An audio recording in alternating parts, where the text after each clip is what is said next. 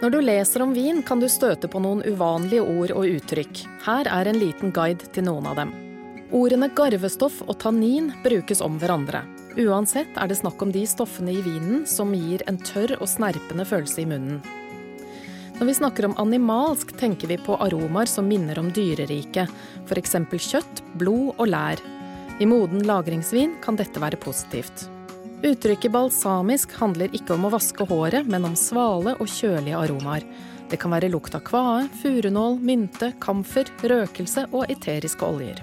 Blomsterpreget betyr rett og slett lukt og smak som minner om blomster, f.eks. roser og fioler. Fatpreget betyr at vinen får lukt og smak fra treverket når den lagres. Dette kan lukte vanilje, kokos, karamell eller rett og slett nysaget eller brent tre. Et balansert fatpreg regnes som positivt, mens et sterkt fatpreg som skjuler frukten i vinen, er negativt. Mineralsk er dufter som minner om mineralriket. Det kan f.eks. være aromaer av kalk, sjø eller stein. Hvis en vin er saftig, er det snakk om en leskende vin som minner om å sette tennene i frisk, saftig frukt.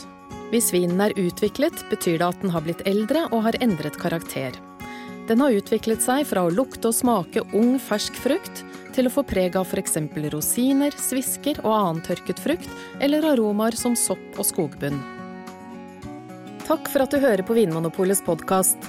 Har du spørsmål til oss? Send mail til varefaglig at vinmonopolet.no. I tillegg svarer kundesenteret deg på e-post, chat og telefon. Ring 04560 eller besøk vinmonopolet.no.